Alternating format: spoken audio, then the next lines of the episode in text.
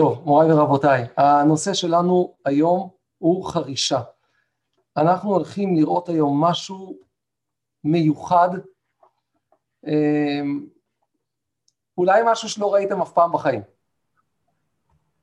אה, ואני אסביר עוד מעט מה מיוחד כל כך, מה שאנחנו הולכים לראות. אנחנו נתחיל אה, קודם כל בדברים הרגילים של חרישה, אני משתף אתכם במצגת, אבל אנחנו נראה הפתעה, בעזרת השם, אה, מיוחדת, ונראה איך שדרש הופך להיות פשט. אה, נבין קצת המשמעות של דרשות חז"ל. הנושא שלנו הוא חרישה. שמות פרק ל"ד, פסוק כ"א, תורה אומרת, פרשת משפטים, ששתיהם תעבוד וביום השביעי תשבות, בחריש ובקציר תשבות. אז הגמרא אומרת, התורה אומרת לנו כאן שיש אה, איסור חרישה, בחריש ובקציר תשבות. אבל על מה הפסוק מדבר? ששת ימים תעבוד וביום השביעי תשבות. הפסוק מדבר על שבת. ונחלקו תנאים בראש השנה, דף ט, בחריש ובקציר תשבות.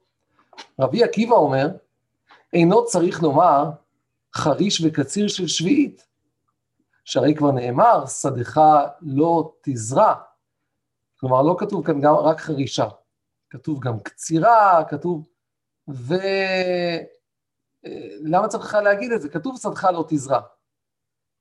אלא חריש של ערב שביעית הנכנס לשביעית, וקציר של שביעית היוצא למוצאי שביעית. כלומר, רבי עקיבא לומד מכאן על דין של תוספת שביעית, שגם לפני השמיטה, גם אחרי השמיטה, יש אה, דברים שאסור לעשות.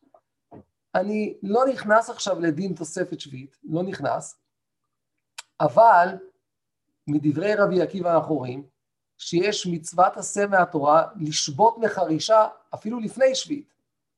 אם כך, ברור שבשמיטה עצמה חרישה אסורה. חרישה נאסרה אפילו לפני שביעית, אז בוודאי שהיא אסורה בשמיטה עצמה. לעומת זאת, רבי ישמעאל אומר, מה חריש רשות? אף קציר רשות. יקצה קציר העומר שהוא מצווה. כלומר, אומר רבי ישמעאל, זה בכלל לא מדבר על שמיטה, זה מדבר על שבת.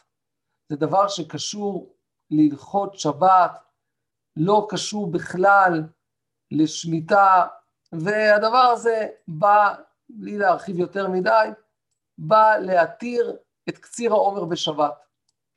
זה מה שזה בא ללמד אותנו, שמותר לקצור את העומר בשבת. עכשיו אתה מסתכל ואתה אומר, מחלוקת רבי ישמעאל ורבי עקיבא, מי צודק בפשט? לפי מה נראה הפשט הפסוק, כמו רבי ישמעאל או כמו רבי עקיבא?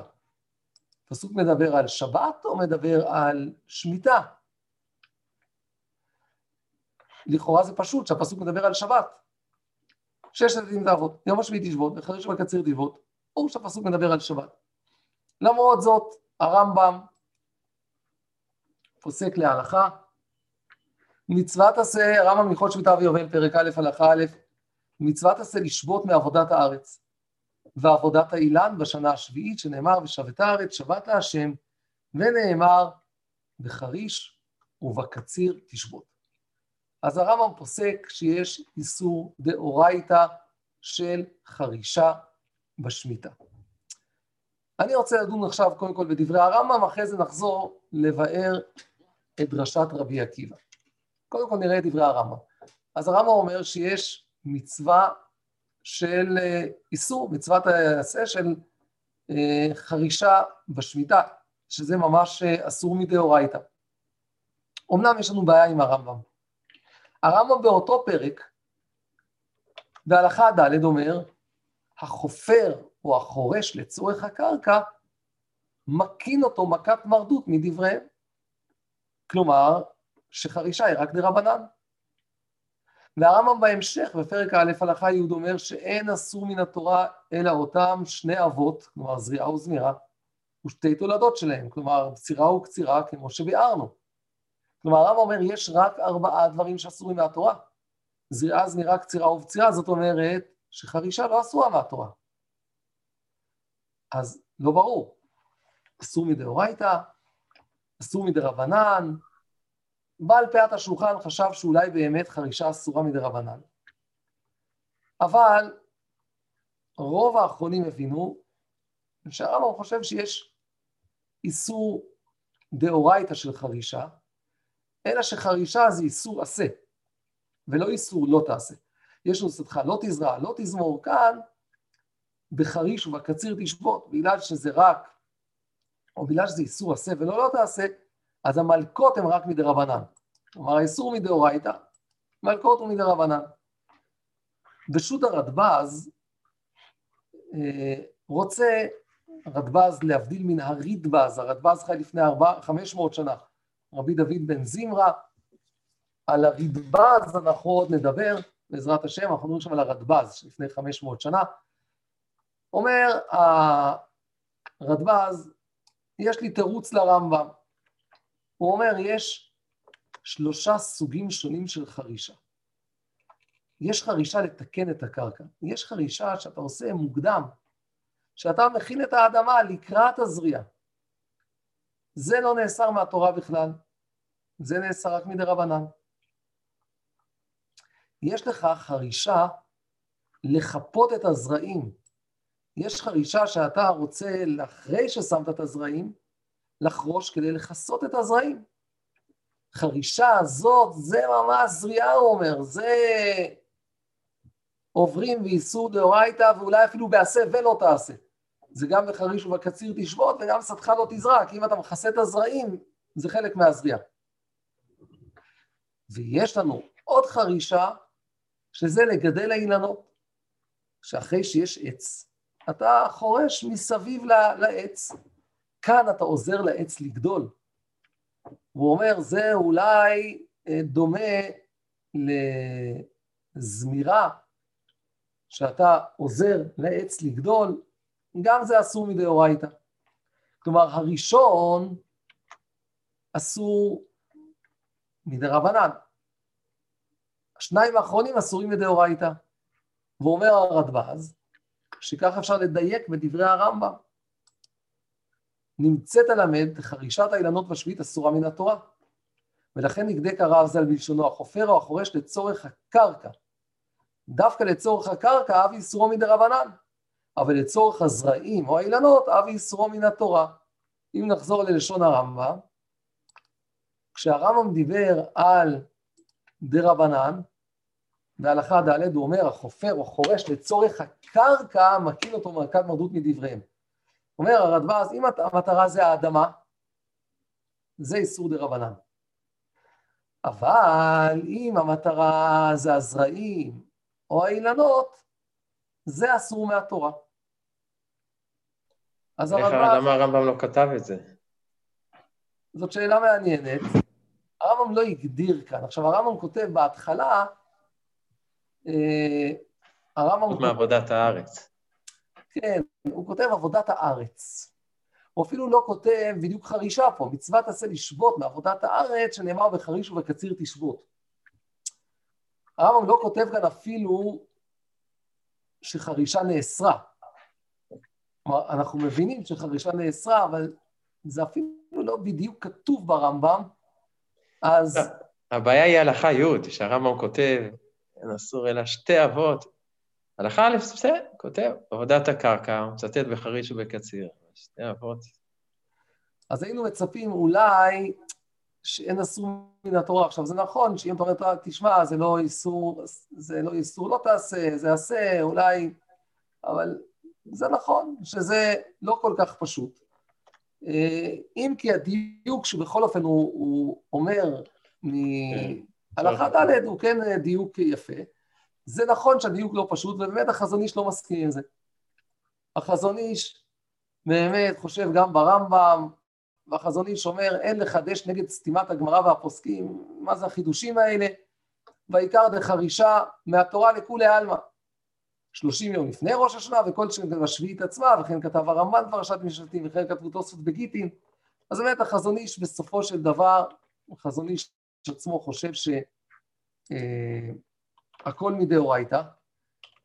הדבר הזה, אמנם החזון איש חושב שהכל מדאורייתא, אני חייב להגיד שכשהיו קשיים מיוחדים, החזון איש אה, ידע לבוא ולנסות להקל, אמנם זה גם מסיבות אחרות, כי היישוב התמוטט כמעט, והייתה סכנה שהערבים יבואו ויקחו את המקום, ויש אה, סוגיה בגמרא, סוגיית ארנונה, שיש מקרים שאולי מתירים, אבל החזון איש בעצמו פונה לרב חיים אויזר ומבקש איזה היתר על חרישה בשמיטה, ורב חיים אויזר אומר לו, לעת עתה, במכתב הראשון, מכתב שני, הוא אומר, המצב במושבות שומרי שביעית דחוק מאוד, והוא אומר, מושב מחנה ישראל דוחקים להתיר למו חרישה כי הערבים, הערבים חרשו וזרו, כלומר הם רצו לחרוש כדי ש...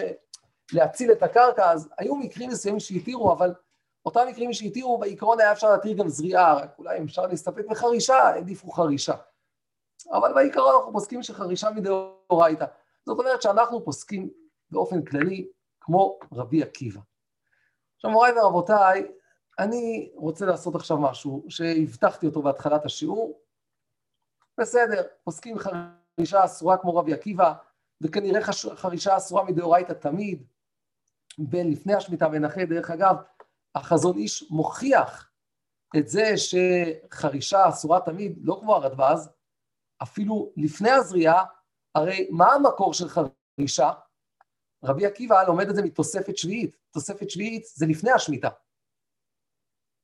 כלומר, אם זה לפני השמיטה, זה לפני הזריעה. אז אומר החזון איש, מהמקור אתה יכול לראות שחרישה נאסרה תמיד, לא רק חרישה שמכסה את הזרעים, אלא גם חרישה שקודם הזריעה, שגם הדבר הזה נאסר. אבל אני רוצה עכשיו לנסות להבין את דברי רבי עקיבא. לכאורה, כשאתה מסתכל על הפסוק, אתה אומר, תשמע, רבי ישמעאל צודק, מה לעשות? פסוק לא מדבר על שמיטה, הוא מדבר על שבת. הדבר הזה גרם אה, אפילו לבלבולים מסוימים שהגמרא באוריות מביאה שהיו כאלה שחשבו שאולי אפילו מותר לעבוד, שיש לנו, הגמרא כאן מדברת שאולי יש מקרים שאין שבת בשביעית, שאולי בשמיטה אין שבת בכלל. למה? כי התבלבלו מהפסוק הזה של בחריש ובקציר תשבות. בכל אופן, איך מסבירים את הדברים האלה? אז רש"י אומר, אין צריך לומר חריש בקציר של שביעית, דל כורכך, אף על גב דרישא דקרא בשבת קאי, דכתיב ששת ימים תעבוד, סייפי השביעית קאי. דהי השבת, חריש וקציר ודאסור שאר מלאכות נשארו? אומר רש"י, לא יכול להיות שהפסוק מדבר על שבת. כי בשבת נאסרו מלאכות רבות, לא רק חריש וקציר, אז לא יכול להיות שזה מדבר על שבת, ולכן צריך להגיד שזה מדבר על שמיטה ולא על שבת. אה, כמובן שגם הדבר הזה יש מקום להעריך ולשאול עוד שאלות, וגם בשמיטה יש עוד מלאכות. אני לא אדון בזה עכשיו, מי שרוצה יכול לראות בפני יהושע בסוגיה שם, הוא דן בשיטת רש"י, מנסה לברר כל מיני דברים. אני לא עושה את זה עכשיו, למרות זה מעניין, כי אני רוצה לראות לכם עוד משהו. הסבר אחר הוא ההסבר של היד רמה.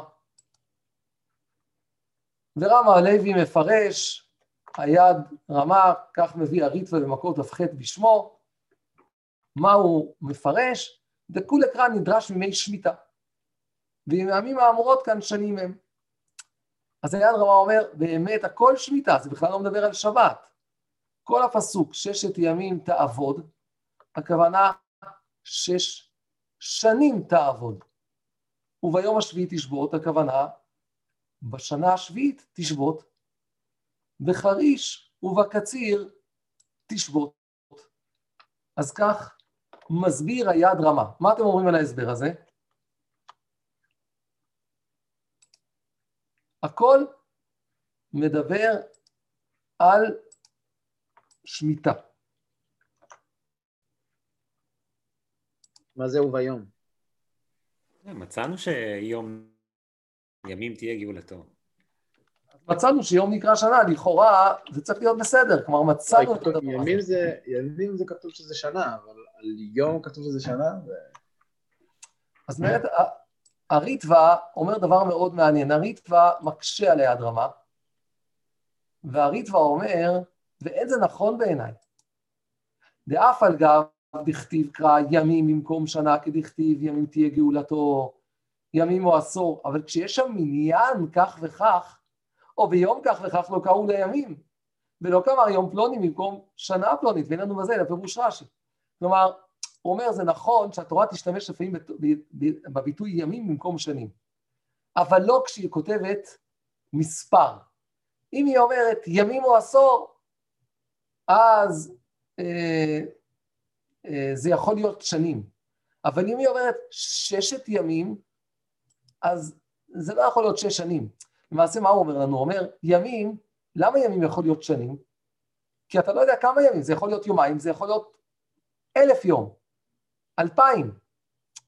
אז לכן ימים יכול להיות שנים, אבל אם מדובר על מספר ימים, התורה אומרת ששת ימים, להגיד שששת ימים זה שש שנים, זה דחוק. מוריי ורבותיי, אני רוצה עכשיו להראות לכם משהו. דבר מדהים, אה, שבאמת אה, מרגש מאוד. הרב קלמן כהנא אה, עומד על הרעיון הכללי, גם הרד"צ צופמן, אה, וכאן אני הבאתי קצת יותר הגבלות לדברים, אבל יש כאן דבר מדהים. דברי רבי עקיבא שנראים דרש רחוק, באמת ברור שהם פשוטו של מקרא ממש. אחרי שאתה רואה את זה אתה אומר וואו, אי אפשר היה בכלל להבין את זה. והשיעור שאני אומר לכם עכשיו הוא חשוב גם כדי להבין את הנושא שלנו, אבל גם כדי להבין שכשחז"ל דורשים משהו שנראה לנו רחוק, הרבה פעמים זה רחוק כי אנחנו מסתכלים רק על הפרק. לחז"ל הייתה ראייה של כל התורה כולה. ובראייה של כל התורה כולה, הרבה פעמים, דרש הופך להיות פשט, וזה מה שאני רוצה לראות איתכם כרגע. אוקיי. אתם רואים עכשיו את שמות כ"ג ושמות ל"ד? כן. רואים את שני הפרקים. יש כאן דבר מדהים. יש לנו שני פרקים, שמות כ"ג זה הפרק שעכשיו אנחנו דיברנו עליו. כן, זה הפסוק שלנו, אפשר לראות כאן ב, את הפסוק שלנו בפסוק י"ב, ששת ימים תעבוד, תעשה מה זה, סליחה.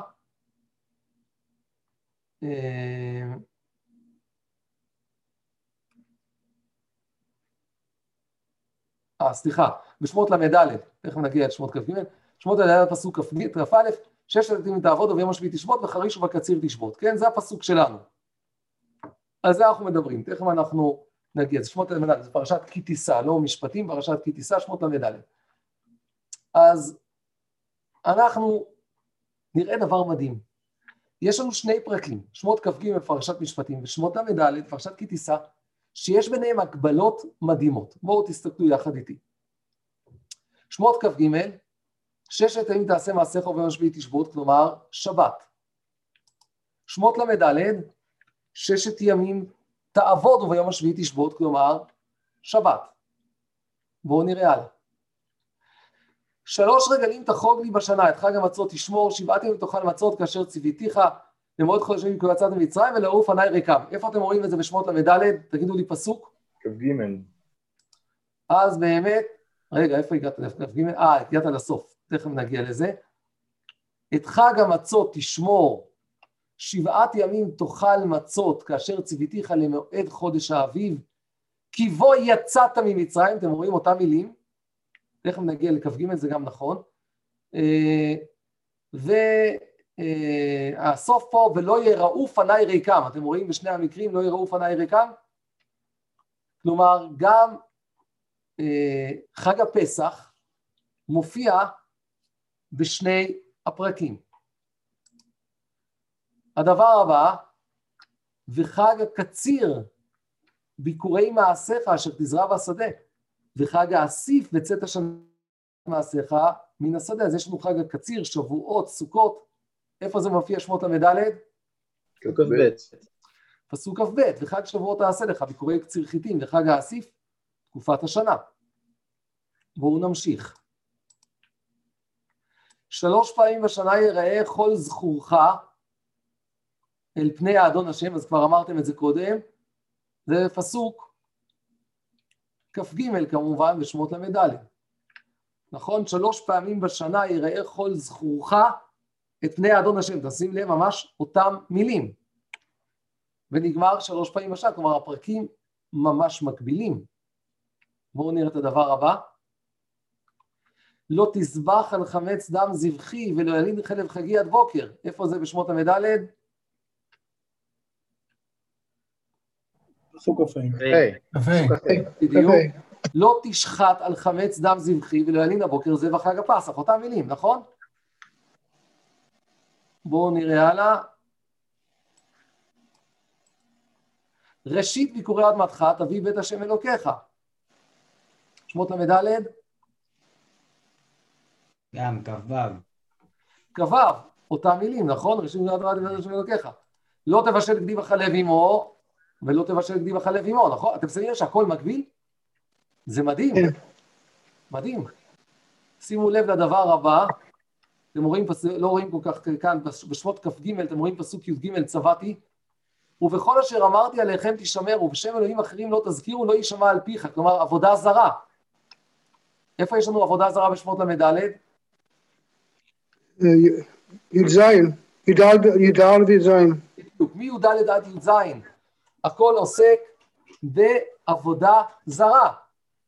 וואו, הכל מקביל. ועכשיו, שמות כ"ג, שש שנים תזרע את ארצך ואספת את נבואתה, והשביעית תשמטנה ונטשתה, ואכלו אביוני עמך, ויתרם תאכל לך את השדה, כן תעשה לך ממך לזיתך. תשמעו, הכל הכל מקביל, כל החגים, בשר בחלב, הכל מקביל, עבודה זרה, פתאום יש לנו שמיטה בשמות כ"ג. מה עושים? איפה שמיטה נמצאת? בשמות ל"ד. רבי עקיבא הבין שחייב להיות שבחריש ובקציר תשבות זה שמיטה. כשאתה מסתכל רק על שמות ל"ד, ואתה רוצה להגיד שזה שמיטה, זה נראה וואו, רחוק. איך רבי עקיבא הגיע לזה? זה כל כך רחוק. אבל כאשר אתה מסתכל על ההשוואה של שני הפרקים, אין ברירה. אין ברירה, הכל חוזר, הכל חוזר עוד פעם. עכשיו, זה לא סתם שהכל חוזר, יש גם כנראה סיבה של הכל חוזר משמות כ"ג עד שמות ל"ד, באמצע יש את חטא העגל, וכנראה שהתורה חוזרת לאיזה ברית חדשה אחר כך. ברור בדברי רבי עקיבא, שרבי עקיבא ראה את שמות כ"ג ושמות ל"ד ביחד. הוא לא סתם פתאום אמר שבחריש ובקציר תשבות זה שמיטה. להגיד את זה בשמות ל"ד זה לא הגיוני. אבל כשיש לך ראייה של כל התורה כולה, ואתה רואה, וואו, יש פה שני פרקים מקבילים, חייב להיות שמיטה. עכשיו, קודם כל זה מדהים, מדהים, אין מה לדבר, אבל עדיין יש לנו שאלה. הכל מדהים, ברור שזה שמיטה, הכל מדהים, אבל למה התורה מבלבלת אותנו? למה בלי רבי עקיבא לא היינו יכולים לדעת את זה? למה התורה מבלבלת אותנו, ובאותו פסוק, חצי פסוק מדבר על שבת, חצי פסוק מדבר על שמיטה. בסדר, מבינים שזה זה, אבל למה? והתשובה לא, לדבר... זה גם לא שמיטה רגילה, זה רק uh, תוספת, לא? וזה מעניין שזה דין של תוספת שמיטה, שזה עוד נקודה שצריך להבין כאן. כאילו, ממה נפשך? אם התורה הייתה כותבת את השמיטה עצמה, אז לא היה שבת. מאוד מעניין, מאוד מעניין, שזה כאילו אפילו מדבר על הדין של תוספת שמיטה, שזאת הנקודה שיש כאן, שזה באמת עוד נקודה מאוד מעניינת. אבל בכלל, למה לכתוב פה פסוק אחד, חצי שבת, חצי שמיטה? והתשובה לדבר, שהתורה רוצה שנחבר בין השבת לשמיטה. התורה כותבת את זה באותו פסוק כי יש כאן שורש אחד. שימו לב, שבת ושמיטה מקבילות לגמרי. שבת ושמיטה, ששת ימים תעבוד, ששם תזרע שדיך. עשית כל מלאכתך והשבת זרוע. ביום השביעי שבת להשם אלוקיך, ובשנה השביעית שבת שבתון יהיה שבת להשם. עוד פעם, שבת להשם ושניהם. לא תעשה כל מלאכה, צדך לא תזרע. אתה ובנך וביתך ועבדך ועמתך, והייתה ארץ לכם לאוכלה, לך ולעבדך ולאמתך, ובהמתך וגרך אשר בישריך, ולבהמתך ולחיה אשר בארצך. כי ששת ימים עשה השם את השמיים ואת הארץ, וכאן כי לי הארץ. זה דבר מדהים. גם בויקרא כ"ה, כלומר הפרשה המרכזית, פרשת בהר של שמיטה, ראינו כבר ששבע פעמים, המילה המנחה שם זה שבת. שבע פעמים מוזכרת המילה שבת. עכשיו, התורה תזכיר גם במקומות אחרים, בחגים, ביום כיפור, היא תזכיר שבת, שבת שבתון. אבל אף פעם התורה לא תגיד שבת להשם. שבת להשם זה ביטוי ייחודי רק לשבת ולשמיטה. אתם רואים כאן הדבר השלישי בטבלה, ויום השביעי שבת להשם. שבת להשם זה רק בשבת ובשמיטה לא יופיע אף פעם בשום הקשר אחר. אה, וראינו שזה קשר כל כך חזק, עד שהעם קצת התבלבל, ראינו את הגמרא באוריות, שאולי אין שבת בשמיטה. וזה דבר שברור שהתורה רוצה לחבר. מה שהרב חדרי הוסיף עוד יותר, צריך לנסות להבין כאן את המשמעות של תוספת שביעית. למה דווקא בדבר הזה? אבל החיבור בין שבת לשמיטה, ברור שהתורה רוצה לחבר אותנו. עכשיו כאן יש מקום להעריך, אין לנו זמן להעריך, אנחנו רק נראה את דברי מרן הרב קוק זצ"ל. כל זה זה חידוש של הרב? מה זה? כל החיבורים האלה בין אה, כ"ג ל"ד זה חידוש של הרב? החיבור עצמו, אני ראיתי אותו לראשונה בהערה של הרב קלמן כהנא, אה, בספר, יש לו ספר חקר עיון, ספר אה, כל מיני חקירות, אה, דברים שהוא עשה, ספר יותר הלכתי, כן, אבל הוא מזכיר שם בספר חקר ועיון, ו, וגם הרד"צ סופמן בדברים, גם כותב שהפרקים מקבילים. אה, ההרחבה של כל ההקבלות בצורה מלאה יותר, וההסברים הנוספים שעשיתי כאן, זה כבר תוספת שלי, על הגרעין הרעיון שלהם. אה, אבל אני חייב להגיד, מרן הרב קוק זצ"ל אומר לנו, אה, היחיד מתנער מחיי החול לפרקים קרובים בכל שבת. באה שבת, באה מנוחה. את אותה פעולה שהשבת פועלת על היחיד, פועלת היא השמיטה על האומה בכללה. צורך מיוחד הוא לאומה הזו, כי מזמן לזמן יתגלה בתוכה המאור האלוקי שלה בכל מלוא זערו, אשר לא ישביתו חיי החברה של חול. כלומר, אדם פרטי צריך את השבת, שהוא מתנער מהחול, הוא מתנתק והוא מגיע למעין עולם הבא. ובשמיטה כל החברה.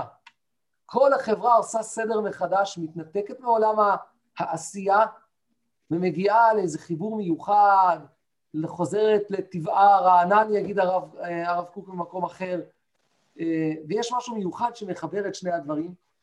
אני לא מעריך בזה עכשיו, יש הרבה להעריך בנקודה הזאת, אבל אני חושב שהדבר שבאמת מדהים, וזה הדבר העיקרי שרציתי שאנחנו נראה עכשיו, שהרבה פעמים כשרואים דרשות של חז"ל, אומרים, טוב, זה רק דרש.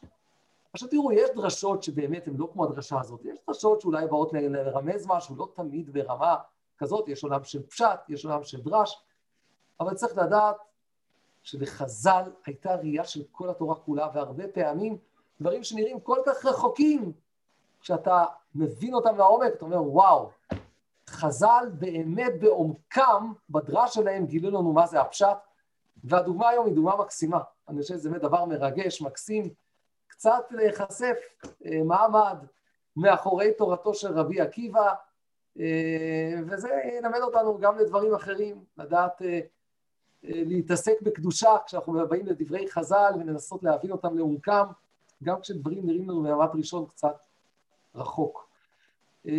טוב, אז בזה גמרנו את ענייני חרישה. השיעור היום עסק גם בחרישה, אבל גם היה חשוב לי להביא את העניין הזה קצת, את פשוטו של מקרא ודברי רבי עקיבא, ובעזרת השם נמשיך בפעם הבאה בהמשך ענייני שמיטה, שיהיה יום נעים לכולם.